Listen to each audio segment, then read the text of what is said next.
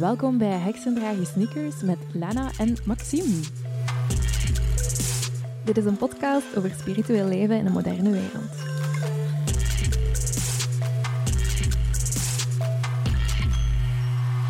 Welkom terug bij Heksendragen Sneakers. We hebben vandaag weer een kanje van een gast bij ons. Ze is de oprichter van Antwerp Avenue en de co-founder van Alpha Vrouwen, Jessica de Blok. Als topondernemer heeft ze massa's ervaring en vandaag gaat ze het met ons hebben over spiritueel ondernemen. Op het einde van deze aflevering gaat ze ook een fantastische prijs weggeven, dus blijf zeker luisteren tot het einde. Dag Jessica. Dag uh, Lana. We vragen altijd aan onze gasten om te vertellen hoe dat je week is geweest. Mijn week was al uh, redelijk hectisch. Um, ik heb een paar uh, trouwfeesten en zo achter de rug. Het is uh, in mijn persoonlijke leven super druk. Maar ook in Antwerp Avenue, in Alpha Vrouwen, heb ik de indruk dat er zo'n nieuwe wind is aangekomen. Uh, misschien is dat omdat september is begonnen, zo'n nieuw schooljaarachtige vibes. En um, ik heb heel veel energie voor die nieuwe dingen. En ik ga gewoon helemaal mee met de flow, maar het is wel druk. Oké, en hoe voelt het om hier nu te zitten? Um, ehm, superleuk. We hebben er juist al uh, off the record al een leuk babbeltje gedaan. Maar dat is altijd heel leuk om even elkaar goed te leren kennen voordat je zoiets doet, denk ik. En uh, ja, ik ben echt heel excited over uh, alle vragen die jullie mij gaan stellen. dus ik ben heel blij. Oké, dan gaan we direct invliegen. Voor de mensen die jou niet kennen, stel jezelf eventjes voor in drie woorden. Alright, ik heb, uh, ja, je gaat het misschien wel horen, maar ik doe er soms al eens een Engels woordje tussen, maar dat is wie dat ik ben, dus ik ga dat ook niet onder stoelen of banken steken. En mijn eerste woord daarmee is ook dedicated. Daar heb ik niet echt een mm. heel goede Nederlandse vertaling voor, maar toegewijd zou ik het eventueel kunnen noemen. Dat is echt, uh, ja, dat is echt een van de dingen die mij heel goed beschrijft. Als ik iets wil, dan ga ik ervoor en dan laat ik ook niks mij stoppen. Mhm. Ehm, mijn tweede woord is uh, leergierig. Ik ben extreem leergierig, altijd al geweest. Ik wil altijd alles weten. ik stel ook altijd duizend vragen, um, zodat ik gewoon over... Ik wil met alles mee zijn. En ik denk dat dat heel veel goeds heeft gebracht al in mijn leven. Dat ik altijd curieus en ja, gewoon heel nieuwsgierig ben naar wat iedereen te vertellen heeft. En mijn derde woord is enthousiast. Hadden we nog niet gemerkt. dat is uh, iets dat ik... Um, ik zou het optimist durven noemen, maar ik weet niet of dat ik nog steeds zo optimistisch ben als vroeger. Maar als ik iets wil, dan ben ik zo enthousiast dat echt niks me nog kan tegenhouden. En ik denk dat, dat, dat die drie dingen samen zo van een, een cocktail geven die uh, Jessica toch wel beschrijven. Dus. Oké, super. Um, is er iets dat mensen echt moeten weten over jou? Um, er is één ding dat in mijn leven gebeurd is, dat heel weinig mensen weten, waar ik ook niet elke dag over praat, maar dat ik uh, één jaar oud ben geweest door een chronische ziekte, waarvan ik toen nog niet wist wat het juist was. Ik heb Ehlers-Danlos syndroom, type 3, als je daarmee bekend bent, iemand die luistert.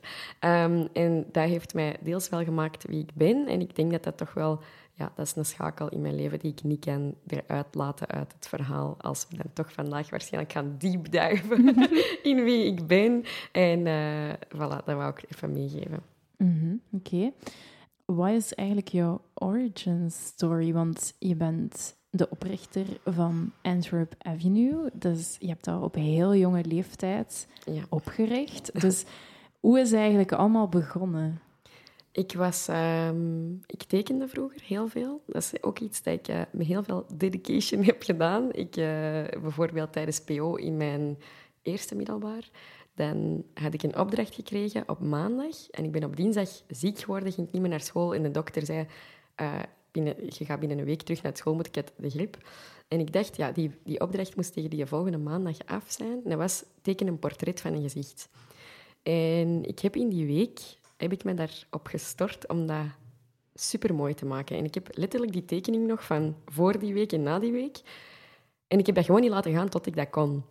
Ik heb dat um, heel serieus genomen. En het portret daarna is voor een 13-jarig meisje echt heel... Dat was eigenlijk heel mooi getekend, maar dat was omdat ik het letterlijk dag en nacht niet opgaf dat het goed was. en, uh, dus ik heb heel veel getekend, geschilderd. En ik heb dus uh, een aantal van mijn olieverfschilderijen, rond mijn 17, 18, 19, uh, ben ik die beginnen posten op Facebook. En na een paar jaar was er één schilderijtje dat toch wel, ehm, waar dat er mensen op zijn beginnen bieden eigenlijk. Dat was super populair geworden. En ik wist echt niet waar ik het had. Ik dacht, wat, mensen willen geld geven voor iets dat ik heb gemaakt. Ongelooflijk. En ik vond dat tegelijk heel jammer, omdat ehm, er waren acht mensen die hadden geboden, waarvan twee hetzelfde bedrag hadden geboden, het hoogste, en maar één iemand heeft het dan uiteindelijk kunnen ophangen. Ik dacht, maar zonder zo één exemplaar van iets, hoe stom is dat? en uh, dan, ik shopte veel, of ik vroeg mijn verjaardagscadeaus van Society Six. En Society Six is een website in, uh, van de Verenigde Staten. En daar hebben ze allemaal van die ja, dat zijn eigenlijk print-on-demand producten, maar dat weet je niet als klant, maar dat weet ik nu. dat, uh, um, dat, wordt geprint op het moment dat, dat je dat bestelt, maar dat zijn eigenlijk allemaal kunstenaars van over heel de wereld die geselecteerd worden om daarop hun producten te, uh, eigenlijk producten te maken. Met hun designs, waaronder telefoonhoesjes. En die waren daar super, super um, ja, uh, populair. En die waren echt heel populair. Ik had er ook zo'n aantal. En dat was redelijk prijzig wel voor een telefoonhoesje. Zeker als je dat van Amerika naar België wou laten sturen. -hmm. Maar ik voelde wel echt van een telefoonhoesje is een beetje een verlengde van wie dat je zei. Dat laat zo ja. wel iets zien. Ik weet dat dat een beetje um, bombastisch is om, om dat toe te kennen aan een telefoonhoesje. Maar voor mij was dat op dat moment mm -hmm. wel zo. Ik weet niet wat dat mijne dan over mij zegt, want ik heb er een met bananen op. Maar, Waarschijnlijk zegt dat heel veel, maar ik denk dat we dat aan Freud moeten vragen. Ja. Zo. Misschien moeten we daar gewoon in een studio ja. dat zeggen. Maar dat zegt altijd wel iets over waar dat je op dat moment mee bezig bent in je Mhm. leven. Of, allee, Mm. Tenzij dat je daar niet zoveel aandacht aan hecht. Maar voor mij op dat moment wel. En ik zal daar sowieso niet alleen in geweest zijn, aangezien dat dat een heel populair product was op die website. En dan dacht ik, ja, ik zou dat ook kunnen doen met mijn schilderij, een, een mijn dat populair schilderij op Society 6 zetten. En met wat research besefte ik dat dat, dat dan maar 10% was van de omzet of van de, van de verkoopwaarde dat ik dan ging krijgen. Ik dacht, ja, daar doe ik het niet voor. Nee, ja. Maar voornamelijk omdat ik ook leergierig, heel geïntrigeerd was door het proces van A tot Z van een zaak uit te bouwen. Ik wist absoluut nog niks echt over business, 0, 0,0. Maar ik was wel geïntrigeerd in, in productie. En dan heb ik op dat moment een 80 telefoonhoesjes besteld van Alibaba, ehm, van een leverancier. Als ik er nu op terugkijk, dan zak ik bijna door de grond van schaamte van de slechte kwaliteit van die producten. Maar toen echt, ik, ik straalde hoe fier, echt. Ik was zo Ja. fier op die Ja. producten. En ik heb die allemaal eh, via Facebook. Hè. Dus mensen hebben dan een telefoonhoesje, konden dat kopen. En dan ging ik dat brengen naar hun huis. Oké. En dan heb ik heel veel verlies gemaakt met ehm, naft. Ja, waarschijnlijk. Ja, dat kostte toen 15 euro voor een hoesje. Maar ik was wel heel trots op het feit dat er wa- die waren ook wel op één maand verkocht, wat echt wel een heel groot aantal was. Dat was wel uiteraard omdat dat nieuw was, want 80 is echt een enorm groot aantal om weg te krijgen. Ehm, maar daar is eigenlijk heel veel begonnen. En dan ben ik, ehm, heb ik dat een jaar gedaan, gewoon zo eigenlijk als hobby. Want ik studeerde toen, ik zat op, eh, op TUNIF. En dan zei mijn papa, mijn papa is advocaat, die zegt... Hé, maar jij, jij bent dingen aan het verkopen zonder een, een zaak. BTW-nummer. Zonder een ja, BTW-nummer. oei. Foei, foei, foei. Dit mag je niet doen. En ik zeg, ja, maar papa, hoe moet het dan? En hij zegt, zoek het maar uit. Oké. En dan eh, ben ik met Antwerp Avenue begonnen. Dus iets van een, ehm, ja, tien maanden na, nadat dat was begonnen. Omdat ik dus effectief heel veel tijd heb genomen om te researchen voor ik ben begonnen. Omdat ik ook heel veel schrik had om te beginnen, to be honest. En dan, ehm, en dan ben ik begonnen. En dan heb ik wel besloten vanaf het, het moment, vanaf echt de origin van Antwerp Avenue... Ik wist één ding en dat wist dat ik, ik wist dat ik ervoor wilde gaan. En niet 100%, maar echt 150%. Dat was gewoon... Er was no way around it dat het ging lukken. En ik denk door zo'n naïef zelfvertrouwen dat het ehm, wel, dat, dat dat wel heel veel eh, goeds heeft gebracht in de, de toekomst. En of, alleen nu dan. Want er zijn heel veel slechte dingen ook gebeurd onderweg. Heel veel. Heel veel falen. Gaandeweg. En ik denk dat ik dat niet had gekund als ik niet zo een blind vertrouwen had in Ja. dat, dat het ging lukken. Dus dat is het verhaal eigenlijk erachter. Maar eigenlijk ben je er dan gewoon een beetje ingerold. Ja, ehm, dat was niet echt een beslissing. Dat was eigenlijk een... eh, het, het was van moeders op dat moment. Maar ehm, ik ben altijd heel nieuwsgierig ook. Heel, ehm, ja, dat zegt mij heel veel om dingen te proberen. Ja. En ik dacht, ja... Dat is, ik, ik bezie mijn ondernemerschap nog altijd een beetje zoals Super Mario. is elke keer zo'n level meer. Dat is echt waar. Ah, ja, echt ja, zo. Elke keer zo een, een, een- level omhoog. En ik weet niet wanneer eindbaas gaat komen, maar eh, I'm ready. Maar ehm, nee, en elke keer een level omhoog. En dat is bijna een spel. Nog steeds, hè, dat is ook het enthousiasme erin houden. Voor mij is echt het, het feit dat het gewoon elke keer een andere level is. Wil ook wel zeggen dat ik wel een beetje ehm, onverzadigbaar ben. Ja.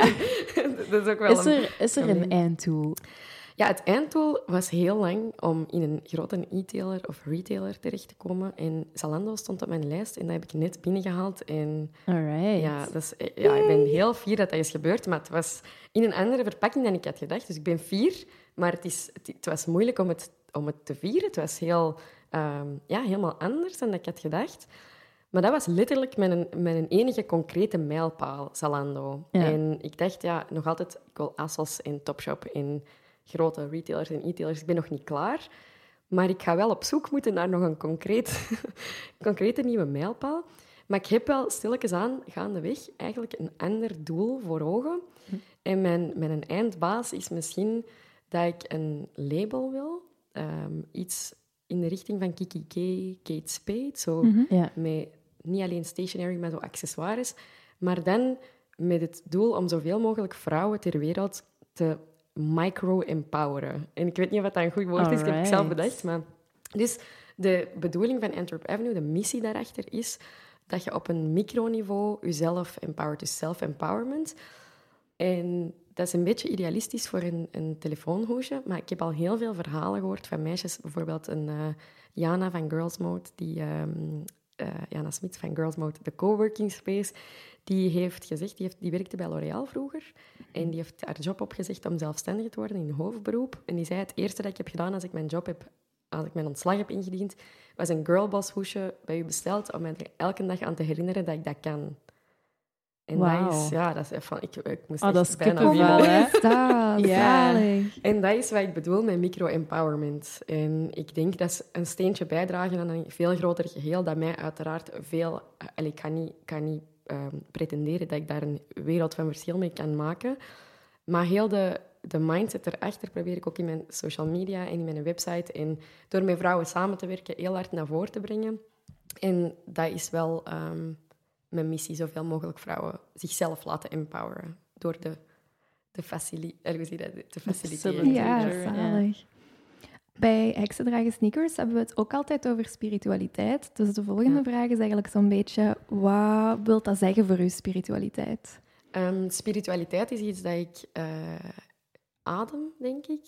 Dat is ehm, iets waar ik al heel mijn leven mee bezig ben, maar op een heel on- onbewust niveau. Ik zal daar nooit zo... Ik ben niet de persoon dat zal mediteren of seances eh, zal doen, maar ik ben daar wel mee opgegroeid en ik ben daar wel heel veel mee bezig. Dus in mijn on, on- onderbewustzijn, denk ik. En ik laat me dat heel hard ehm, gidsen. Dus Mhm. ik, ik, ik zorg ervoor dat... Ik geloof heel hard in het universum. Het universum bepaalt voor mij alles. Dus zoals de andere mensen geloven in God of in Allah of wie het ook mag zijn, ehm, geloof ik in het universum en dat het universum dingen voor mij kan regelen.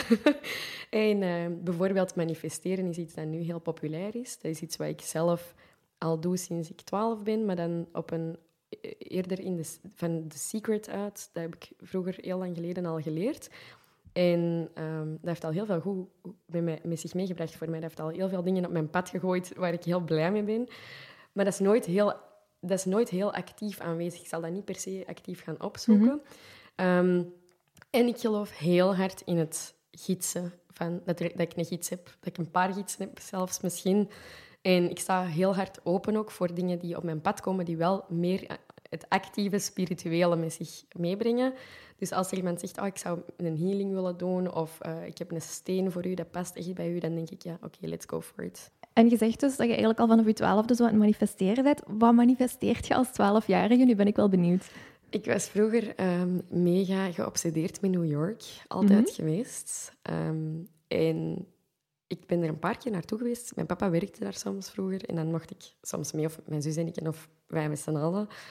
En op een bepaald moment leek het alsof het gedaan was, bijvoorbeeld. Dat, het, dat de zaken in New York waren gedaan. Het was allemaal afgerond. En uh, ja, dat was goed voor mijn papa dat dat was afgerond. Maar voor mij was dat natuurlijk niet zo heel goed. En op een bepaald moment dacht ik, ik zou echt alles geven om terug naar New York te gaan. Ik ga gewoon mij inbeelden dat ik in de herfstvakantie in New York ben. En elke keer als ik zoiets deed, als ik zo dacht van oké, nu ga ik gewoon doen alsof het al is. Of ga ik doen alsof... Dan zie ik dat echt voor mij. Zo echt een visualisatie. Uh, maar toen wist ik uiteraard niet echt exact wat het uh, inhield. En dan, dan kwam dat zo uit de lucht gevallen. Dan was er ineens toevallig een week voor de herfstvakantie kwam er een zaak in New York uit de lucht gevallen. Ah, Jessica, kunt je niet mee, want het is herfstvakantie. Je zit nog op school, ik zat op middelbaar. Zo'n dingen. Echt heel, heel, uh, heel grote dingen eigenlijk. Zalig. Ja.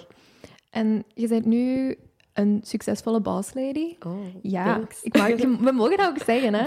Ja, en dat is heel erg praktisch en ergens ook heel erg rationeel of zo, maar merk je dat je je spiritualiteit daar ook in terug kunt brengen op de een of andere manier? Super hard. En um, dat valt letterlijk niet te scheiden van, van mijn zaak, omdat op dit moment ben ik ook mijn zaak. Ik ben mm -hmm. uh, ja, de, de belangrijkste schakel, de, de enige schakel dat eigenlijk alles, uh, de speelfiguur in mijn zaak. Um, en als het met mij goed gaat, dan gaat het met mijn zaak goed. Als het met mij niet goed gaat, gaat het met mijn zaak zeker niet goed. En ik kan dat niet van elkaar scheiden. Ik laat mij ook heel hard, ook qua deals, um, heel hard baseer ik alles op intuïtie. Ik kan niet zeggen dat mijn intuïtie altijd gelijk heeft. Als het, als het negatief is, dan heeft ze altijd gelijk. Zo, het is een madame. Tuurlijk. dan heeft ze altijd gelijk als, het, nee, als ik een slecht gevoel heb over iemand. En dat is ook heel overweldigend vaak, hoe, hoe duidelijk dat het is. Dat echt alles in je lichaam roept, nee, dit is het niet. Mm -hmm. En dan besteed ik er zelfs geen aan. Soms vergeet ik dan zelfs terug te mailen naar die mensen, omdat ik dat okay. zo hard heb uitgeschreven. Ja. Jij ook, Lana? Ja, ik heb dat ook ontzettend hard. Bij mij is ook... Ik, ik voel dat heel hard aan. En dat komt heel duidelijk. Bij mij is dat vooral in beelden, omdat ik heel visueel ben ingesteld. Ja. En inderdaad, als, als het niet marcheert, of als die intuïtie aangeeft van dit is het niet, dan ja, I walk away. Hè. Dat is Ja. echt zo van. Hebben no jullie dat dan ook? Dat als je zo niet echt luistert, dat je merkt dat er de hele tijd kleine dingen gebeuren die ervoor Yep. zorgen dat het dan toch niet Super uitkomt? hard. Ja. Super hard. Ja. Ja, eigenlijk onlangs, maar ik weet niet of dat dan de outcome super duidelijk is. ehm, want een outcome is redelijk, eh, was nog uiteindelijk positief. Maar ik heb notebooks ehm, laten maken. Ik ben er zes maanden aan bezig geweest. Sourcing, dus een goede leverancier zoeken, iemand samples laten maken, designs gemaakt. En uiteindelijk is er vanaf de productie bij elke stap iets misgelopen en Mm. is het super duur uitgeslagen. En ehm, is echt letterlijk, het is, was veel te laat, super duur. De douane deden moeilijk. ehm, de transport was super moeilijk. Echt alles liep mis. En ik dacht, is the universe trying to tell me something? Want, eh, maar ik, ik zat er zo diep in dat ik nog wel moest blijven gaan. Maar ik dacht ook op een bepaald moment... Ik heb ook gewoon bepaalde rekeningen gewoon betaald. Dingen waar ik echt niet mee akkoord was. Ik dacht, ik kan niet meer vechten. Ik Mhm. niet, op dit moment zou ik nu kunnen vechten om dat niet te moeten betalen. eh, omdat dat niet eerlijk was. Maar ik dacht, ik kan echt... Geld kan ik altijd terugverdienen. Mijn energie en mijn, mijn, mijn goeie- dat ik goed gezien ben, kan ik niet kopen. Ja. Dus dat kan ik dan op dat moment eigenlijk wel kopen. Dan kan ik Ja. ervoor zorgen dat ik dat gewoon ehm, uit de weg koop. Ja. Ehm, ja, maar het universum is soms heel, heel duidelijk. En ook als het niet lukt, heel vaak, bijvoorbeeld een aantal jaar geleden, heb ik ehm, met Zep, eh, het was er eigenlijk een bijna deal op tafel. Die, die hebben blijkbaar ook allemaal presentaties nog gedaan nadat ik ben geweest. Ik had gepitcht voor bij Zep in de winkels terecht te komen. Die waren allemaal heel enthousiast. Er was eigenlijk niks misgegaan. Maar er is een interne verschuiving geweest van de aankoper, van de accessoires. En dat is uiteindelijk tussen de mails verschoven.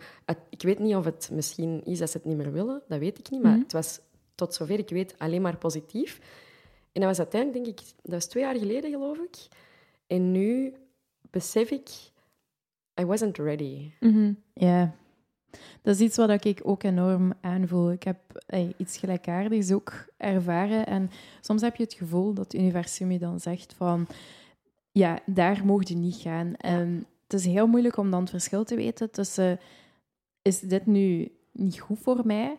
Of moet ik hier nu gewoon doorzetten? Omdat ondernemen is ook een groot stuk doorzetten. Ja. En die moeilijke ervaringen als leerervaring gezien. Dus soms is het heel moeilijk om te weten van wat is er nu exact gaande. Maar ik heb ook wel vertrouwen dat zich dat op een of andere manier dan altijd wel recht zet. Ja. En dat if it's meant to be, dan komt het sowieso terug. Ja. En if it's not meant to be, dan komt er wel iets anders op je pad, waardoor dat je er wel gaat geraken. Ik heb dat enorm gehad met het boek. Ehm, ik had eerst een uitgever en daar liep ook van alles mis. En ik was dat heel hard aan het pushen, omdat ik zoiets had van, ik moet nu een uitgever hebben, want hè, eh, ik wil het boek uitbrengen. En ik heb het dan ook even opzij gezet en gewoon laten gebeuren. En plotseling is alles geshift. En kwam er in één keer een andere uitgever op mijn pad, waarbij dat alles mega easy liep. En dat was een heel mooi proces om te zien, als je daarop vertrouwt, hoe dat alles zich toch weer in balans brengt. Dus Ja, dat is echt... ja, Ja. Ja, en ook de dingen die niet werken, die leren nu weer iets. Hè. Wij denken altijd, Mm. we gaan nu dit doen en dit is de uitkomst die ik wil. En soms krijg je helemaal niet de uitkomst die je wilt, maar heb je in dat proces wel weer Ja. nieuwe dingen geleerd, die je dan in je volgende stap, die je nu nog niet kunt zien, gaat moeten, gaat moeten gebruiken. Dus ik vertrouw er ook wel altijd heel hard op van, als dit nu nog niet is, dan zal ik er wel iets anders uit leren. Dan komt er wel, komt er wel iets anders Tuurlijk, uit de en- bus. En dat bereidt u ook voor op... ehm, vaak als er iets niet gebeurt, was het omdat er achter de hoek iets veel beter Ja. op school... dat ehm, gevoel heb ik ook enorm gehad met die uitgever. Ja, dat is extreem. Dat is soms zo dat je denkt van... Ah ja, ik moet soms gewoon nog wat meer vertrouwen op het proces. Ja, want je hoofd snapt dat soms niet. Hè. Je Nee. hoofd denkt gewoon van, ik wil dit. Dit is exact wat ik wil. En je kunt je niet voorstellen dat er nog iets beters kan zijn. Dus dan moet je soms even zo een beetje een klets tegen je kop krijgen. Zo van, ehm, nee, je verdient echt beter. Wacht nog even. Ja, dat is waar. Ik heb wel ooit ene keer, ehm, dat is misschien een goeie, ik weet niet of dat, dat, ja, dat is weer ook niet zo heel super concreet, maar ik ben, ehm, ik had tickets geboekt met mijn zus om naar Thailand te gaan. En wij zijn, dat was via Wenen vliegen. En op de luchthaven in, in Zaventem heb ik een paniekaanval gekregen. Maar dat was toen acht, negen jaar geleden dat ik nog eens een paniekaanval had gehad. En ik wist niet, ik, herkende het bijna niet. Ik dacht, wat, wat, wat gebeurt er? En ik moest mij afzonderen. Ik had claustrofobie in de luchthaven. Maar dat, was, dat kwam echt out of the blue. Dat was heel raar. Ehm, ik ben op dat vliegtuig gestapt naar Wenen. En ik heb op het vliegtuig, dat was één uur of anderhalf uur vliegen, denk ik, heb ik vier keer een paniekaanval gehad. Maar dus vier keer echt hyperventileren en, en weg willen. En wij zijn in Wenen aangekomen. En ik heb tegen mijn zus gezegd, zou je het erg vinden als we niet naar Thailand gaan? We waren al onderweg, we hadden dat ook al eh, een groot deel van die reis betaald. En mijn zus is eigenlijk ehm, niet zo super spiritueel, nu intussen misschien wel wat meer, maar vroeger, die, was, die, is, al, die is iets rationeler altijd geweest. En die heeft toch gezegd, oké, als jij voelt dat dat geen goed idee is om naar Thailand te gaan, dan gaan we niet naar Thailand. En ik dacht, thank God dat jij nu mij wilt steunen in iets dat totaal niet valt te verklaren. Er was geen enkele reden, tastbare reden, dat, ik niet, dat we niet zouden kunnen gaan. En ehm, alles leek te zeggen van ga niet. En ik dacht, je weet nooit dat dat vliegtuig neerstort of dat er daar... Of door mijn aanwezigheid... Want uiteindelijk, achteraf is er niks gebeurd met het vliegtuig. Ik heb het wel opgezocht. Maar ik vroeg me dan ook af, ja, misschien mijn aanwezigheid dat dan weer iets in, kan teweegbrengen. Er is zo'n beetje butterfly-effect. Als ik daar was, dat er misschien iets zou gebeurd zijn met ons. En daar ben ik dan weer wel heel... ehm, ik ga ook niet overdrijven, maar op dat moment was dat zo aanwezig dat ik dacht, dit is gewoon de beste beslissing om niet te gaan. We zijn, we zijn teruggekeerd naar huis. en We zijn niet ik ben intussen nog nooit in Thailand geweest, dus dat staat ergens nog op mijn bucketlist. maar dat was wel een zotte beslissing, dat wel. Ehm, ik heb ook gezien op eh, jouw stories, denk ik, of op jouw Instagram, dat je naar een event bent geweest met Marie Forleo en Gabby Bernstein. Ja. Ehm, dat zijn twee van mijn grote helden. Ehm, op welk gebied inspireren zij jou? Marie Forleo ken ik door Amy. Dat is mijn co-founder van Alpha Vrouwen, Amy van de Putten. En zij is, altijd, zij is een B-school-student. Oh, wauw. Ja, wauw, hè? De max, Knap, hè? En eh, die heeft ook eens in het midden van de nacht gebeld van... Oh my god, ik heb iets duur gekocht. En eh, was dat wel een goede beslissing? Ik zo, ja, natuurlijk. Investeren in je eigen is een goede beslissing. Misschien voor de mensen die niet weten wat een B-school is. Ehm, dat is eigenlijk een soort van cursus online traject. Dat gaat één keer per jaar open, denk ik. En dat is een volledige A tot Z business cursus van dus Marie Forleo, die zelf ja, hoeveel studenten heeft hij in haar B-school? Echt ja, het is ongelooflijk veel. Ja. Ze is super authentiek. Dus ik heb ze dan op Create and Cultivate in New York gezien. En Gabby Bernstein ook. Maar ik heb Gabby Bernstein wel al gezien op een evenement ervoor, op de Girlboss Rally, ook in New York. Mhm. Ehm, in 2016, geloof ik. En daar, echt waar, daar heeft ze mij zo ongelooflijk geïnspireerd. Voornamelijk haar, een, eh, haar visie op fun is iets dat voor mij niet natuurlijk komt. Ik ben extreem verantwoordelijk, extreem eh, hoge, serieuze werkethiek. En bij mij is het echt zo heer- eerst de lijst van de moedjes en dan helemaal op het einde, en als er nog tijd overschiet, dan is het een magje. Zoals Oké. in de lagere school. Ja. Ik weet dat dat echt problematisch is dat ik zo denk, maar allee, dat is ook wel... Dat, heeft, dat is een um, tweesnijdend zwaard natuurlijk. Dat heeft ook veel positieve kanten. Maar dus, van nature komt dat dus bij mij, die, dat plezier maken is iets dat ik denk, ja, dat is fri- frivoliteiten, dat kan ik houden voor als, als mijn zaak in orde is. Ja. Maar zij beziet dat als een onderdeel van je zaak en dat je niet creatief kunt zijn zonder plezier te maken. Dus fun, alles gaat dan bij haar eh, om fu- fun. En ik ben dat vanaf toen beginnen implementeren en mezelf veel meer downtime te gunnen om met mijn vriendinnen iets te gaan doen of om comedy te gaan kijken. Dat doe ik ook heel graag. Of om comedy zelfs gewoon op Netflix op te zetten. Veel te lachen. Lachen ehm, inspireert vaak ook. Dat, dat geeft veel creativiteit. Dat, dat brengt bandbreedte. En op de momenten dat ik dat toelaat, als ik echt uit mijn zaak ben, uit de hustle, ik ben op vakantie en ik ben relaxed en ik ben plezier aan het maken, dan komen er echt, dan heb ik zo, dan, dan noem ik, dat is heel stout, maar dan noem ik de geldhoed. Dan heb ik zo, dan haal ik zo, dan tover ik dingen uit mijn hoed en dan komen er zo allemaal dingen. Maar eigenlijk is dat gewoon een soort van, ja, inspiratie Mhm. Voor dingen die, die, die veel kunnen opleveren in mijn zaak of die heel leuk en veel impact kunnen maken, die heel leuk zijn. Dingen waar ik normaal niet zou opkomen. Dan tapt je zo in de ether van dat is wat, wat nu voor mij bedoeld is.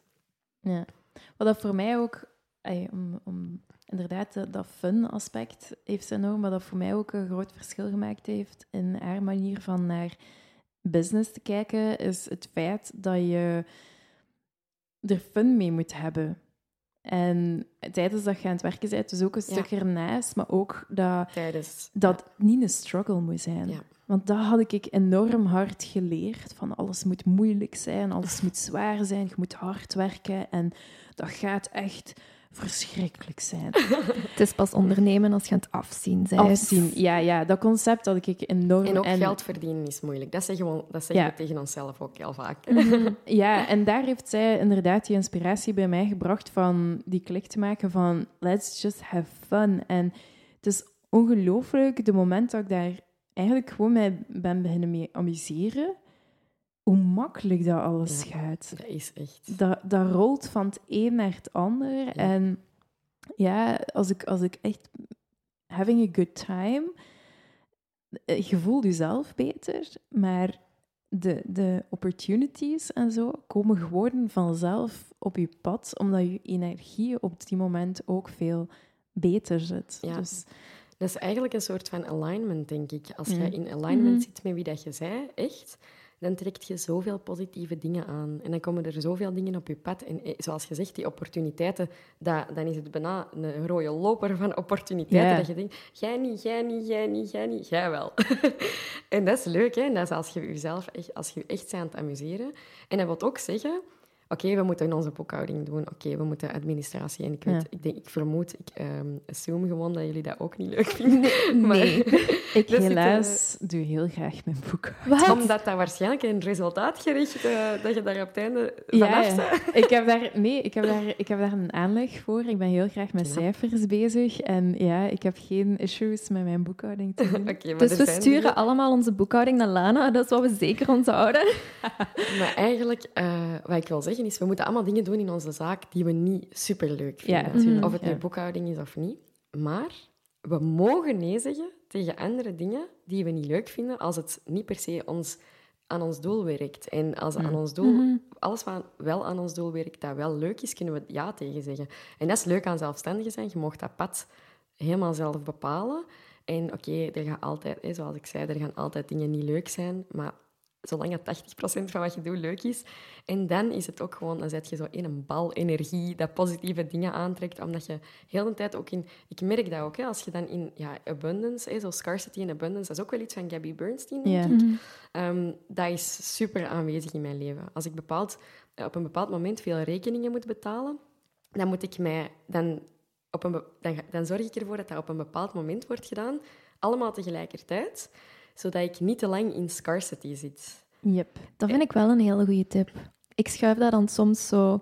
Dan wacht ik ermee tot de uiterste betaaldatum, maar dan zet je echt drie weken aan het denken van Ja. oh shit, ik heb niet genoeg en ik ga dit nog moeten Ja. betalen. Dus dat vind ik echt wel een heel goede tip. Thanks. Eh, maar dat is dus heel belangrijk om, voor mij dan, om niet te lang in scarcity te blijven, zodat ik heel snel terug in abundance rol. Want ik weet, magic happens when you're abu- abundant. Mhm. Ehm, ja, dat is, dat is eigenlijk iets in mijn leven waar ik zelfs niet zo hard bij stilsta dat ik dat doe. Maar dat is eigenlijk ook iets heel intuïtief. Ja. Zijn er nog mensen die jou enorm inspireren? Er zijn er... Ik heb ehm, drie vrouwen, uiteraard, Uiteraard. die me super hard inspireren.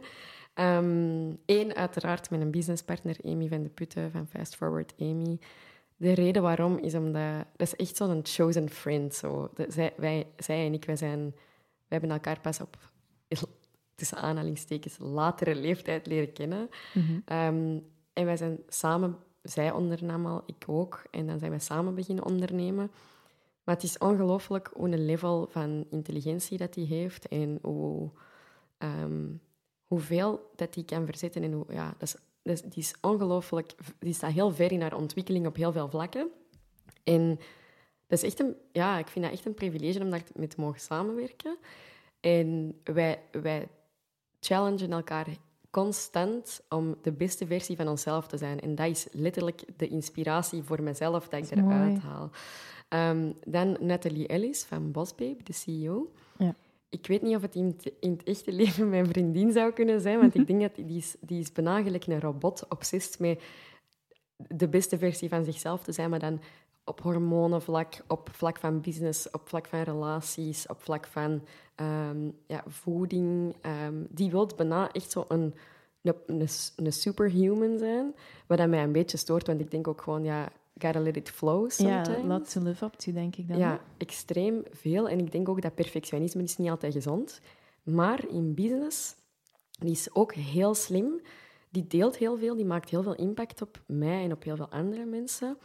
En ehm, het is zot hoe vaak dat ik daarover praat. En dan denk ik, ja, die moet mij wel heel veel inspireren. Want ik, ik refereer daar heel vaak ehm, naar. Dat is een soort van referentiekader. Ook die zit heel hard in dezelfde, in dezelfde business. Zeker Alpha Vrouwen en Boss Babe lijkt wel wat op elkaar Mhm. van businessmodel. Ehm, en dan eh, Beyoncé. Zalig! ik weet Of dat dat eh, wat, wat commercieel klinkt, maar ik denk dat heel veel mensen wat onderschatten wat voor een echt... Ik, ik, dacht, ik dacht er onlangs nog aan. Ik ben vorig jaar in Amsterdam naar haar concert geweest en er was 50.000 man op één van de twee avonden. En dat is enkel Amsterdam. Die doet zo'n wereldtournee. Oké, Jay-Z was er ook bij, maar nobody cares. Iedereen, iedereen komt voor Beyoncé. We weten Ja, dat. Iedereen komt voor Beyoncé. Zij is de, zij De is de queen. baddest bitch, zoals het zelf zegt. eh, en haar man mag blij zijn dus, Dat hij mee met haar samen is. Ja, dat is echt zo grappig. Dat is in, in Lemonade, denk ik. Maar ehm, zij is een ongelooflijk goede ondernemer. Maar vooral als je erover nadenkt hoeveel feministische impact dat hij al heeft gemaakt, voornamelijk in onze woordenschat. hè. Alles Ja. en zo al die dingen die een beetje bijna plat zijn geworden nu, heeft zij wel geïnspireerd. Maar als uw woorden veranderen, verandert uw denken. En ik denk door veel meer jonge vrouwen die woorden mee te geven vanuit haar liedjes, ehm, geeft je die een soort van breder denken mee. En dat is eigenlijk macro-empowerment. Dat is echt op grote schaal dat die dat doet, maar wel op een manier dat mensen vaak niet doorhebben hoe extreem impactvol dat kan zijn. En het is, dat is gewoon, ja, die kan heel veel zingen, dansen, die ziet er goed uit, maar die, dat is echt een supergoeie ondernemer. Ja, ik heb ook ooit eh, documentaires gezien. Maar, oh, Meervoud. Ja, ja, ik ben eh, ook een grote fan. Yes. Ehm, en wat dat mensen vaak vergeten, is haar, haar werkethiek. Dat is Ehm, ongelooflijk. ik weet niet of dat je Homecoming hebt gezien. Ja, Ja. dus je moet rekening houden, die heeft daar acht, Acht maanden, maanden. aan gewerkt. Voor twee avonden. Ja. En dan heb ik zoiets van... Ja, dat, op dat niveau inspireert het mij ontzettend hard. Mhm. Ja. Eh, dus ja, nee, een heel goede inspiratiebron. Thank you. Ehm, we hebben het al gehad over alpha-vrouwen, we hebben het al gehad over uw micro-empowerment van vrouwen. We kunnen eigenlijk wel zeggen dat je echt een female empowerment figure bent. Hè? Ergens toch wel. Ehm, en in dat opzicht ook, hoe belangrijk is uw tribe eigenlijk voor u? Eh, met een tribe alpha vrouwen of met een persoonlijke tribe? Alle twee. Je mocht het er voor alle twee hebben. Ik, eh, ja, ze zeggen wel eens van, je zei het gemiddelde van de vijf mensen waar dat je het meeste tijd mee doorbrengt. En dat is wel echt heel belangrijk voor mij.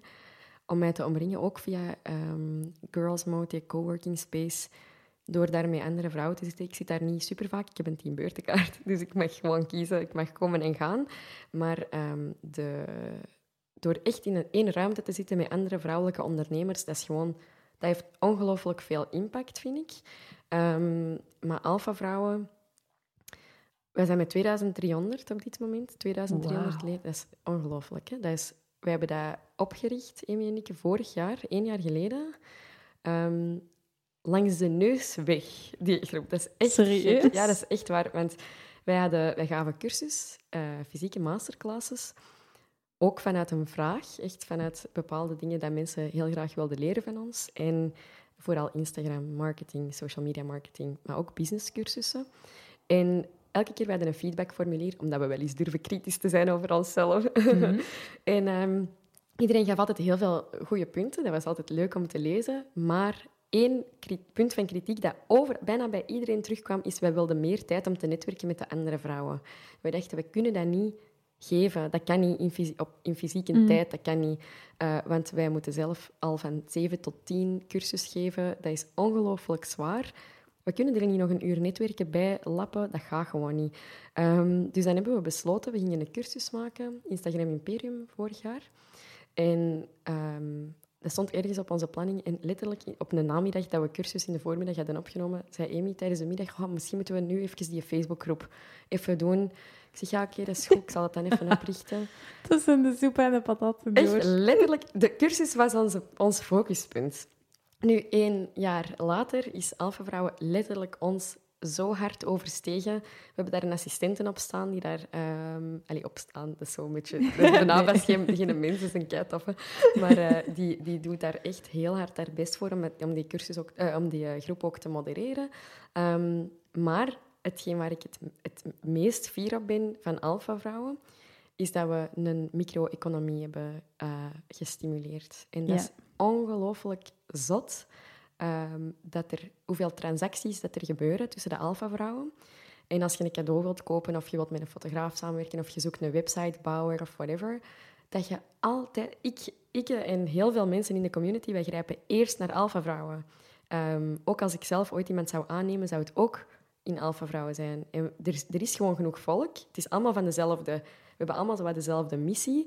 En dat is zo krachtig. En ik denk, als we zelfs een beetje... Ik ben zeker niet anti-big corporations, maar ik ben wel veel meer pro-small business owners. En als er daar meer ehm, geld naartoe gaat, omdat iemand dan zijn huur kan betalen en een paar van haar dromen kan waarmaken, dan is dat voor mij gewoon een geslaagd concept.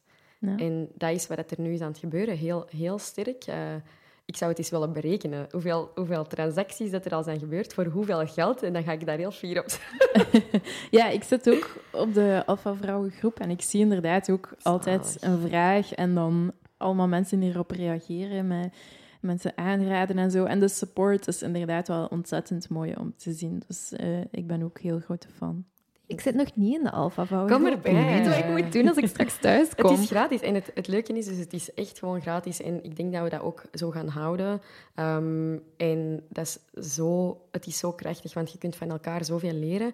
En ook wat ik heel hard ehm, wil meegeven, en dat is... Ja, Alpha Vrouwen overstijgt ons heel hard, hè, dat heb ik al gezegd. Maar dat is niet van, en dit hebben wij gemaakt en daar moeten we dan vol krediet voor krijgen. Maar wel een van de dingen dat ik er echt van, mijn, zo van mij wil insteken, is... We zijn... mm, Er is... Concurrentie bestaat niet. Allee, ja, dat, dat bestaat wel. Ik moet ook niet liegen, maar het is, het, het is veel minder aanwezig dan dat veel mensen denken.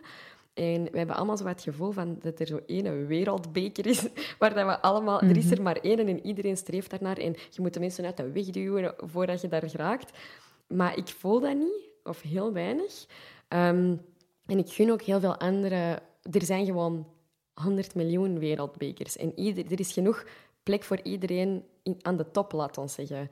En ik denk met Alpha-vrouwen dat we dat kunnen inspireren, dat we dat elkaar allemaal gunnen, door veel te delen over onze kennis. En onze kennis is vaak iets dat we zo dicht bij ons willen houden, want anders gaat iemand ons iemand concept kopiëren. Ja. Ik ga letterlijk nu deze maand een cursus maken, deze, deze of volgende maand, um, een cursus maken, de outline staat al, met alles wat ik weet, echt van A tot Z, hoe ik Antwerp Avenue heb opgebouwd qua producten sourcen, qua um, logistiek, qua ads, hoe ik mijn ads run, hoe dat ik mijn website laat converteren, hoe dat ik mijn e-mails doe. Al die dingen, maar echt van A tot Z, dat gaat een, een, meestercursus zijn. Dat gaat ook het, het grootste project zijn van cursus dat ik ooit heb gemaakt. En ik zou kunnen denken in, in scarcity, van ja, dan gaat iemand heel mijn concept namaken morgen. Maar I'm not worried. Ik denk gewoon, ik heb veel geleerd. Ik heb veel geleerd door te, te vallen, heel veel te vallen en terug op te staan.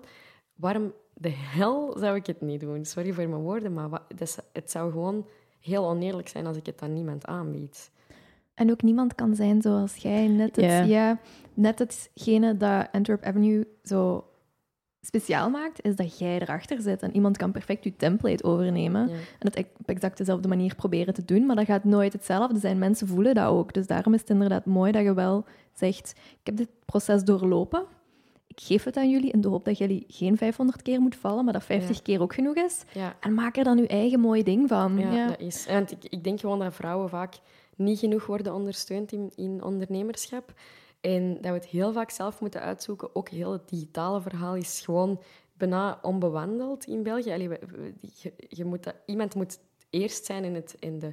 Ik bezie dat zo, ik ga in de jungle met mijn, met mijn sabel en dan moet ik zo alle, alle eh, takken kappen, zodat iedereen na mij zo chill kan wandelen. Mhm. Maar dat is wel een beetje mijn, mijn rol, denk ik. Dat is mijn, wie dat ik ook wil en durf te zijn. En, um, en ik, ik, ik, maar het maakt mij niet uit dat dan iemand daarna misschien iets gelijkaardig uit de grond zou stemmen. Mhm. het, het, maakt niet uit. Ik wil gewoon dat, je, dat, dat mijn ondersteuning... Al sta ik ene stap verder dan iemand anders, ik vind dat ik die persoon moet bijbenen.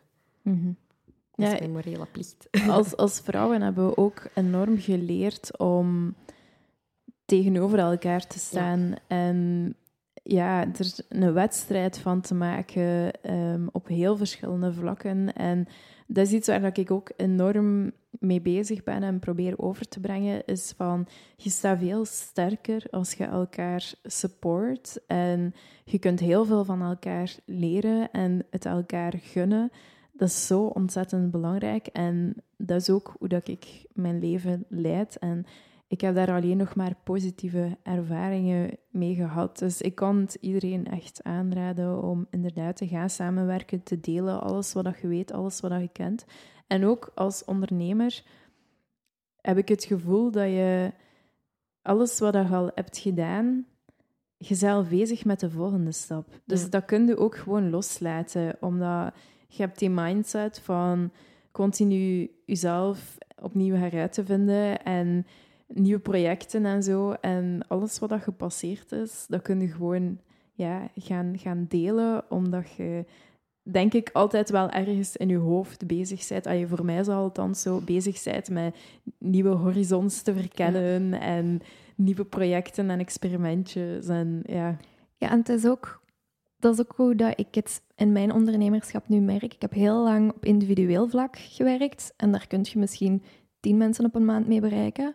Maar als je de mensen kunt gaan begeleiden die ook met andere mensen bezig zijn, net zoals jij nu gaat doen, als jij mensen kunt gaan begeleiden die ook zaken gaan opstarten en die ook gaan ondernemen, dan is je netwerk zoveel groter, dan is je bereik zoveel groter en dan kun je weer op een andere manier meer waarde in de wereld brengen dan dat je zou doen als je gewoon in je eentje op je eiland met een paar mensen werkt. Dan kun je je bereik ook weer wat groter maken. En dan heb je tegelijkertijd ook weer een heel netwerk van mensen die met coole dingen bezig zijn, die jij hebt kunnen ondersteunen. Dus dat is ook weer groeien daarin. Hè? Ja, dat is synergie eigenlijk. Ja. ja. Ehm, ik kan me voorstellen dat niet iedereen een alpha-vrouwen-tribe kan gaan oprichten. wat is daarnaast, want dat is, ey, dat, is- dat is heel belangrijk geweest voor u om uw tribe te vinden, maar wat is daarnaast voor u een goede manier om uw tribe te vinden of uw tribe te creëren? Ik denk, ehm, en dat is niet om mijn eigen groep te promoten, maar ik denk in alpha-vrouwen, of als er nog gelijkaardige groepen zijn, daarin te gaan zoeken naar mensen die zijn zoals u, dat dat heel belangrijk is. Maar dan moet je zelf vooral weten, wat vind je belangrijk, wat voor iemand zet jij, naar wat voor iemand zet je op zoek. Ehm, en coworking spaces helpt daar ook wel echt heel hard bij. Omdat je sowieso in dezelfde mindset zit als de... Bij Girls Mode is dan vrouwen. Ehm, maar dat, dat is in Antwerpen, hè, dus dat is super lokaal. Dat kan ik ook niet, ik kan ook niet aan heel België zeggen, ga naar Girls Mode. Het is ook niet van mij, het is echt letterlijk... dat is van Jana. Allee, just love it, echt waar, oprecht. Ik, vind, ik zit daar heel graag. Ehm, maar ik denk, in elke regio zal er wel iets zijn van een coworking space voor vrouwen. Of evenementen die, die eh, voor vrouwen zijn gemaakt. Of ja, tenzij dat je niet op zoek bent naar alleen een women-only vriendengroep. Maar ik ga even ervan uit van wel. Ehm, durf daar gewoon... Durf daar gewoon alleen bijvoorbeeld naartoe te gaan of durft de eerste stap te zetten. Als, dat is echt super moeilijk. Hè? Maar ik zie soms naar onze evenementen van Alpha Vrouwen komen er soms vrouwen alleen en die gaan met vriendinnen naar huis. Dat is zo graaf, dat je Dat durft om alleen te komen. Ja, dat is iets waar dat ik het nog moeilijk mee heb. Ja. Ik heb ehm, online tribe, vind ik allemaal makkelijk. One-on-one vind ik dat ook heel makkelijk. Met mensen gaan afspreken, babbel doen en zo. Maar zo in groepen en netwerkeventen, alhoewel dat ik daar eigenlijk vrij goed en vlot in ben, want ik ben een vlotte babbelaar, Ja. dan nog doe ik dat gelijk niet zoveel. En ik voel dat dat toch nog zoiets is. Waar, dat is ook meestal s'avonds. En s'avonds ben ik niet op mijn best. Ik ben een ochtendmens. Dus als er iemand een, een breakfast heeft, eh, Ja. wil ik dat wel gerust even meekomen. Nushka doet breakfast Ah, clubs. Alright. Ja, er- ik heb ook wel in Alpha Vrouwen ook al iemand gezien, ik weet niet meer wie het was, maar als je gewoon op breakfast of ontbijt in de groep search doet, eh, er zijn van die terugkerende evenementen voor Jackie breakfast. Bohem doet ook breakfast clubs. Je hebt Ah, geen excuus meer. Zeg, en daar. trouwens, eh, cursussen volgen samen met andere vrouwen, zoals dat wij dus eerst deden, dat doen wij niet meer, eh, live cursussen geven. Maar daar waren ook superveel... eh er- onze eerste cursus is 2,5 jaar geleden, denk ik. Of twee, ik weet, niet, hoe- ik weet het al niet meer. Ehm, maar dat is even geleden. En er zijn nog altijd vrouwen die samenwerken van die ene keer dat ze één dag samen hebben gespendeerd. Zalig. Dus cursussen gaan volgen samen. Ehm, durven, ja, van die, je hebt ook van die reizen. Zo van, die, ehm, van de Flanders Investment and Trade heb je van die reizen voor... ehm, ja, dat is dan voor... Dat is met oude mensen. dat is met veel oude mensen en zo. Maar er zullen ook wel wat jonge mensen zijn. En als je dat dan... Als dat georganiseerd wordt door een, ja, door een, door een organisatie en je kunt misschien wat mensen die je niet zo goed kent wel stimuleren om ook mee te gaan, dat is ook wel leuk, hè? Is dat iets dat jullie nog zouden eh, organiseren, zo'n reis? Een Wij zijn heel moe. wel, ik denk een reis dat dat wel... Ja, nee, kijk, ehm, er zijn heel veel dingen in Alpha Vrouwen die we heel graag willen doen. En we gaan waarschijnlijk binnenkort wel versterking zoeken voor misschien een fulltimer, dat weten we nog niet. Maar er gaat iets moeten gebeuren, omdat eigenlijk Alpha Vrouwen is zo... Een, allee, er, zo, er is zoveel dat wij kunnen doen. En ik heb al bijna zo wat FOMO, voor als ik het niet... eh, fear of missing out, voor de mensen die FOMO niet kennen. ehm, voor wat dat wij niet zijn aan het doen. En er zijn... Oh, ik heb echt idee, hier zitten ideetjes in mijn hoed. in mijn hoed, die we dus letterlijk... Omdat wij... Ja, kijk, we zouden er dingen kunnen bijpakken qua tijd. Maar dan ga ik, er, dan ga ik een burn-out hebben in december. Ja, ja. Dus dat, dat doe ik niet. Dat is mijn grens. Dat is ook wel gewoon effectief voor mezelf kiezen op dat moment. En ik ga niet alpha-vrouwen boven mijn gezondheid kiezen. Maar als ik iemand anders iets kan laten doen voor alpha-vrouwen, dan wel. En dan zijn er heel veel dingen, zoals bijvoorbeeld zo'n reis of nog wat meer evenementen, ehm, die echt wel... Ja, daar, ik weet gewoon dat een impact daarvan super groot is op andere vrouwen. En ik zou het echt iedereen zo hard gunnen, maar ik ben te moe. Snap het. We hebben het al een paar keer gehad over falen. Je hebt daar recent ook nog een blog over geschreven. Ja.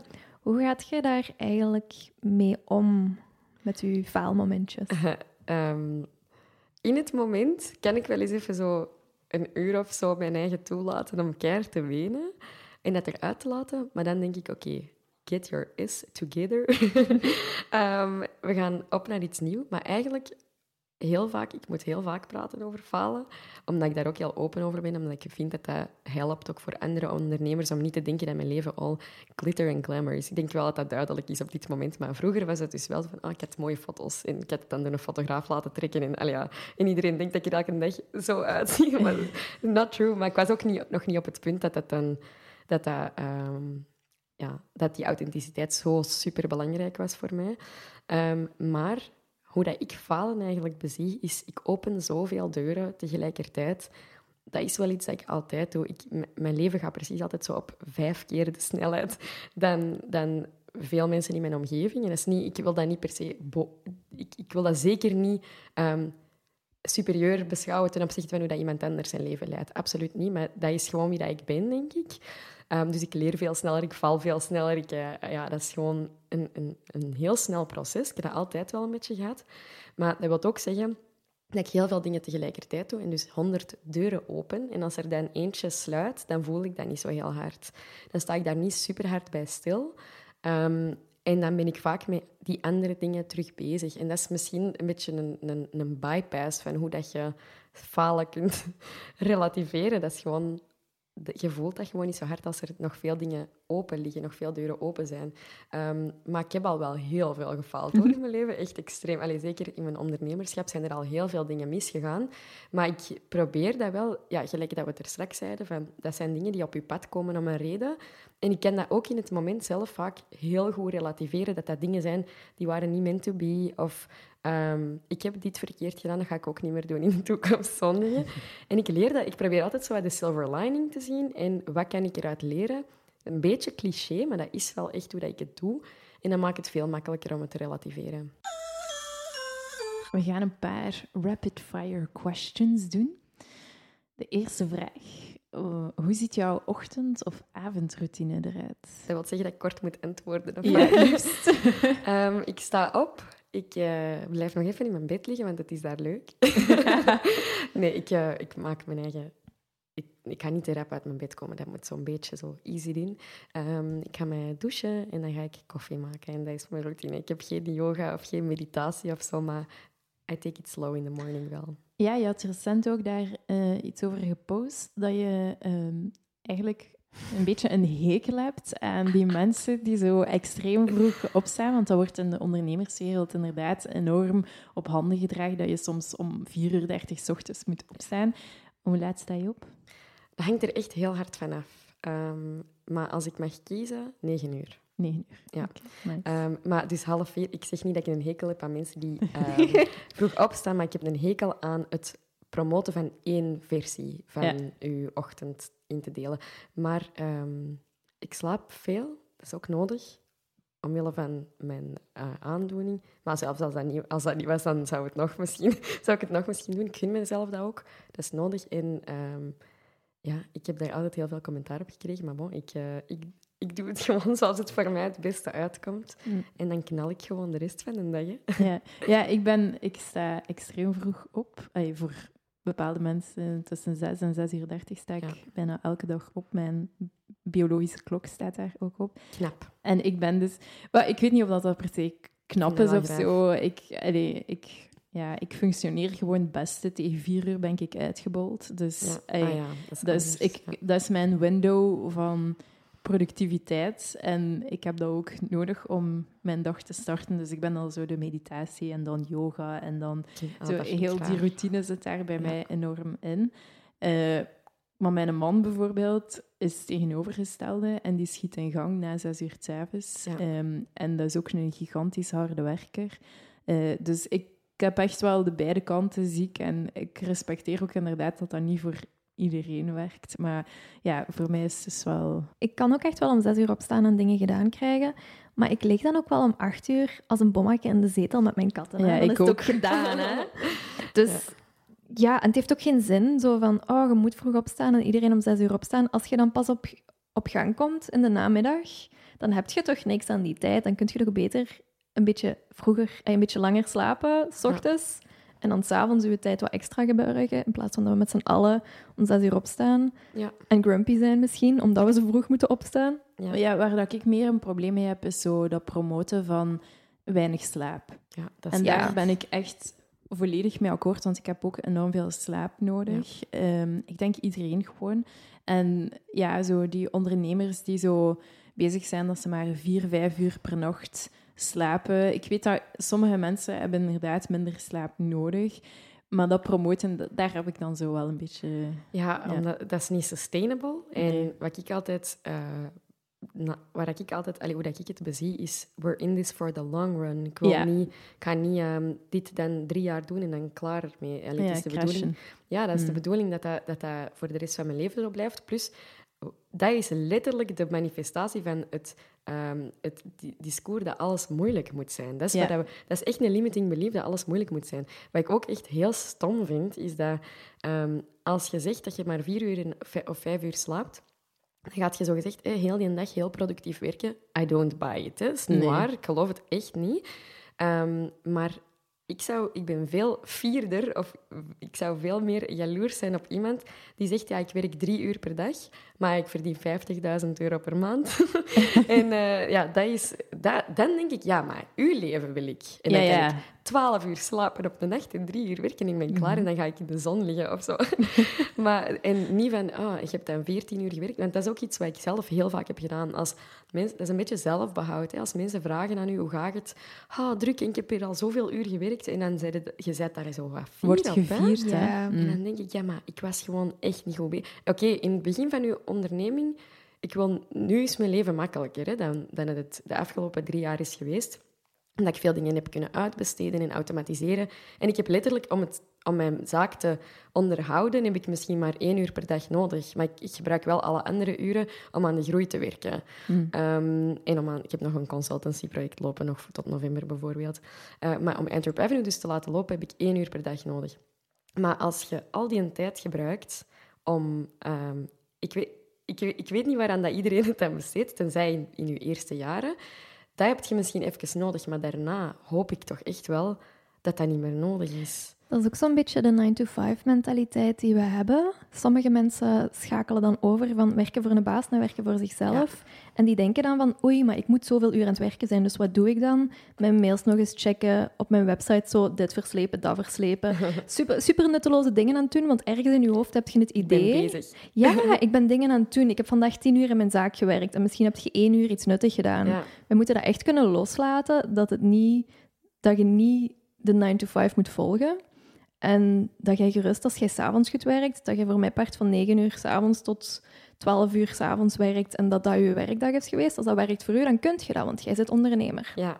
Dat dat niet wil zeggen dat je slechter gewerkt hebt als iemand die van 9 tot 5 achter zijn laptop heeft gezeten en zo banners heeft aangepast en dus zo net een kleurtje anders heeft gegeven. Dat is niet werken, hè? Ja, ja dat is waar. Ik, denk, ik ben akkoord. Welke app als ondernemer kun je echt niet missen? Audible.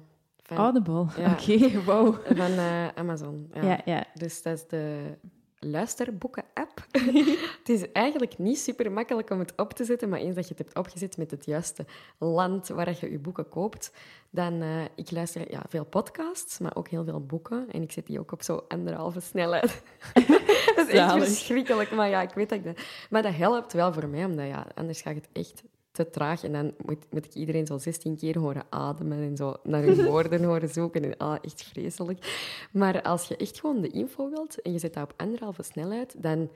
Ik luister dat in de auto of ik luister dat als ik ben aan het koken. Of, zo, allee, op momenten dat je, niet, allee, dus dat je iets anders aan doet, maar dat je wel tijd hebt om te luisteren. En hoeveel boeken dat ik al heb gelezen en geluisterd via Audible is echt zot. En ik heb zo'n maandelijkse credits. En uh, ja, dan, dan, dan, steek ik heel de tijd boeken in mijn winkelmandje. Maar ik heb wel periodes van luisteren en consumeren en periodes van implementatie. En uh, ik, ik, mag niet constant consumeren van mezelf. Dat mag niet. En het is niet omdat ik dan nog tien boeken op mijn lijst heb staan of omdat iemand anders al al die boeken heeft gelezen. Amy. dat, soms denk ik zo van, alleen maar je bent kei vroeg begonnen. Hoe kan ik ooit nog dat inhalen? Ik kan nooit zo slim zijn. Ja, maar dat is niet waar. Hè? Maar allee, dus, um, dat is wel iets waar ik dan... Ja, ik wil alles, al die boeken ook, want dan kunnen we, mee, kunnen we samen praten over die dingen. En, um, maar ik, ik moet echt implementeren wat ik heb geluisterd. Want als je enkel consumeert, en dat zie ik zoveel rondom mij, ook heel veel, omdat we natuurlijk veel studenten hebben en veel uh, ja, alfa-vrouwen in de groep, um, zie ik dat er bepaalde profielen zijn van ondernemende vrouwen die niet durven te implementeren en heel veel consumeren. Mhm. Dat is ook altijd het idee van, als ik dit nog weet en als ik dat nog weet en als ik dat Ja. nog weet, dan mag ik beginnen van mezelf. Ja. En dat is, eh, ja, dat is een beetje een gevaar dat je dan loopt. En we moeten onszelf daarvoor beschermen. Maar het gaat pas een verschil maken if you put in the work, if you get your hands dirty. En dat is, ja, dat- daar geloof ik super hard in. En ik, ik schrijf heel veel op van wat ik in boeken heb geleerd. Ehm, vaak achteraf, zodat ik weet wat ik het belangrijkste vond van wat ik heb geleerd, wat, wat het beste is blijven hangen. doe ik ook met podcasts trouwens. Ja. En dan schrijf ik dat op en dan daarna, ik zorg ervoor, ik stel niks uit, ik, ik implementeer dat zo snel mogelijk. En dan pas kan ik naar iets nieuw overgaan.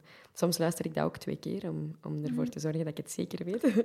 Ik koop de, de boekversie dan nog. Van boeken die ik beluisterd heb, waarvan ik echt Ja, het gevoel heb van dat ik. heeft een Ja. verschil gemaakt, ga ik dan nog een keer het gewone boek kopen. En dan ga ik daarmee een potlood Ja, of door. en, ja. Ik wou net zeggen, ik heb echt wel iets tastbaar nodig, want ik ben zo degene die kleurt en er dingen inplakt en er dingen bijschrijft. Ik vind dat heel moeilijk Ja. als het iets met te luisteren is, om niet ook meteen zo tastbare dingen Ja. te doen. Dat is omdat ik een klein beetje ADHD Eh, dat dat voor mij heel moeilijk is om dingen te lezen, want ik lees mijn zin dan drie keer en dan ben ik weer vergeten wat er staat. Dat is echt dat is een van de grappigste problemen dat heel veel ADD'ers en ADHD'ers allemaal hebben, is dat lezen heel moeilijk is.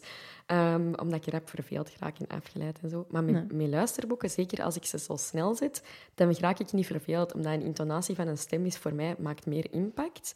Ehm, maar dat is echt whatever works. Allee, ja, dat is...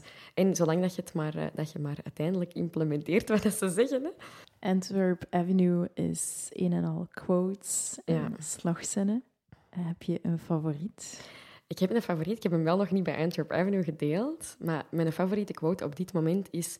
If you want to play with the big dogs, don't be a puppy. En ehm, als ik even moet toelichten... Mag ik Graag, toelichten? ja. Oké. Ehm, ja, want het is rapid fire en we praten evenveel als met de andere vragen. Dus ik denk zo, Rapid fire is nooit rapid fire op de Nee. een of andere manier. ik doe het niet juist. Dat is oké. Sorry. Ehm, nee, dus dat, eh, dat heeft iemand ooit tegen mij gezegd.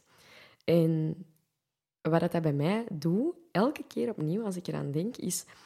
We hebben een soort van denkkader met ja, limiting beliefs, uiteraard. ehm, met bepaalde dingen die je soms... Je spreekt dat niet uit, omdat je in je hoofd... Je, al hetgeen wat je zelf in je hoofd afspeelt... Ik, maak mijn, ik ben mij daar heel bewust van, ik maak mijn zinnen niet af in mijn hoofd. Ehm, ik doe dat soms in real life ook niet, dat heb je misschien wel al gemerkt, maar bon. Ehm, in mijn hoofd gaat dat zo snel soms, dat ik denk, oké, maar ik heb bijvoorbeeld gezegd, dit kan ik niet doen, want... En die want vul ik niet in, in mijn hoofd. Omdat ik iets heb afgeschreven voordat het nog maar... Ja. Dan heb ik daar maar een halve seconde over nagedacht. Maar dat is omdat je natuurlijk ook heel snel moet gaan in beslissing, beslissingen nemen. Maar... ehm, door jezelf daarvan, door je daarvan bewust te zijn, kun je dat doorbreken. En wat ik soms doe, is dan dingen opschrijven en denken, oké, wat wil ik nu en hoe kan ik dat bereiken? Wil ik echt graag, eh, bijvoorbeeld, dat is iets, een van mijn goals, heel onnozel, dat is ook heel eh, open en met een ziel blootleggen dat ik dat ga delen, maar dat is letterlijk de mogelijkheid hebben om elke vlucht die je doet in business te vliegen. Ja. En ik denk, ja, wat kost dat? Eh, is dat super duur? Is dat onmogelijk? Maar als ik dat nooit opschrijf, dan ga ik misschien dat in mijn hoofd categoriseren als dat is echt niet mogelijk. En terwijl ik nu kan terugwerken van, oké, wat heb ik daarvoor nodig? Hoeveel geld is dat?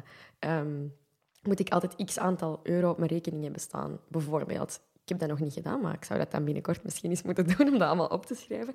Maar letterlijk de actionable steps. En soms zijn er dingen... ehm, ik werk dan terug van iets heel groot, wat ik normaal gezien in mijn hoofd zou eruit gefilterd hebben. Bijvoorbeeld, stel je voor, moet ik dan samenwerken met Gigi Hadid om, als influencer of zo, bijvoorbeeld. Ehm, ja, wat kost dat? Wat kost dat? Misschien kost dat 100.000 euro. Ja, dan denk ik, ja, dat kan ik, nu, eh, kan ik niet betalen voor aan een influencer te geven. Maar als ik echt dat zou... Als, ik dat, als dat mijn doel zou zijn vandaag, om dat te laten gebeuren, dan vind ik morgen een manier om dat te doen. Dat is echt waar. Dat is omdat je hoofd dan wegen zoekt buiten je kader. Ehm, je doorbreekt letterlijk je eigen plafonds. En dat is wat ik bedoel met if you want to play with the big dogs, don't be a puppy. Gewoon je eigen plafonds constant doorbreken om creatiever te zijn in je, in je, ehm, in wat je nu bent aan doen en in je oplossingen vinden voor grote doelen. En vaak zijn doelen niet zo onbereikbaar als dat je zou denken. En daar moet ik mij heel vaak aan herinneren. Dus eh, we hebben dat hier nu genoteerd. Eh, laat ons weten als je zover bent. It's gonna happen, hè? Ja, Sowieso. Gigi, ja, dit is echt niet een van mijn doelen. Dat was een, dat was een Ah ja, nee. Maar, eh, Maar business business is wel een class. Dat is wel class. een doel. Dus dat ga ik eh, laten gebeuren. Nice.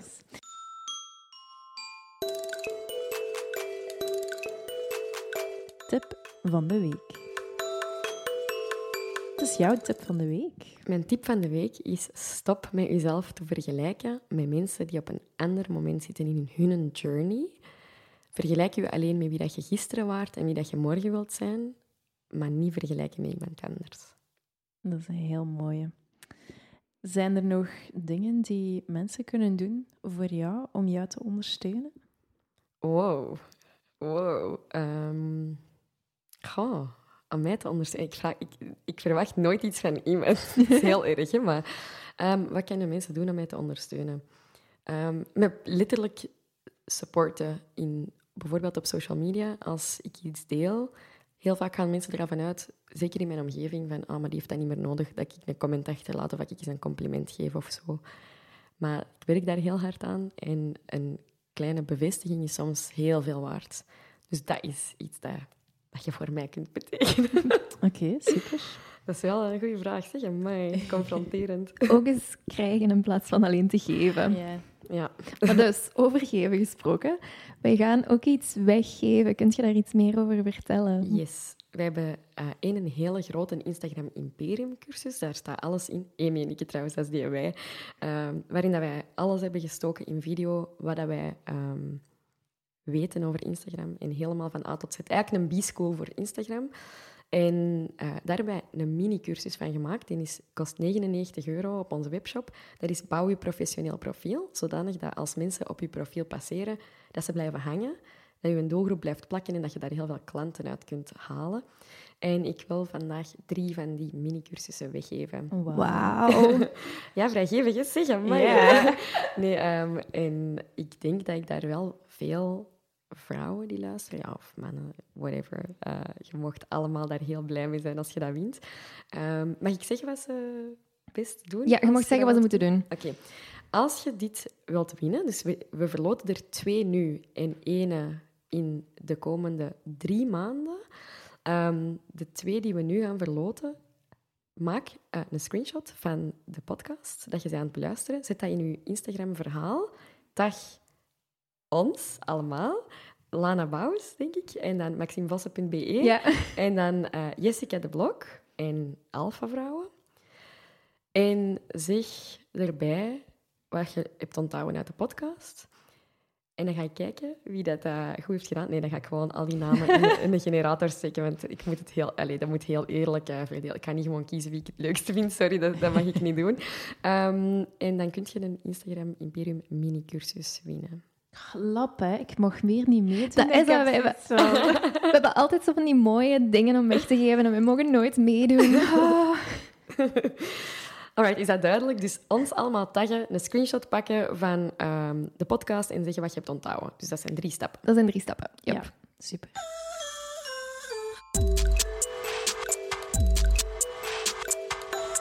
Alle info over Jessica, alle info over wat we hier vandaag besproken hebben, kunt je ook terugvinden in diezelfde show notes. En die vind je op www.maximvossen.be. Of www.laneland.be.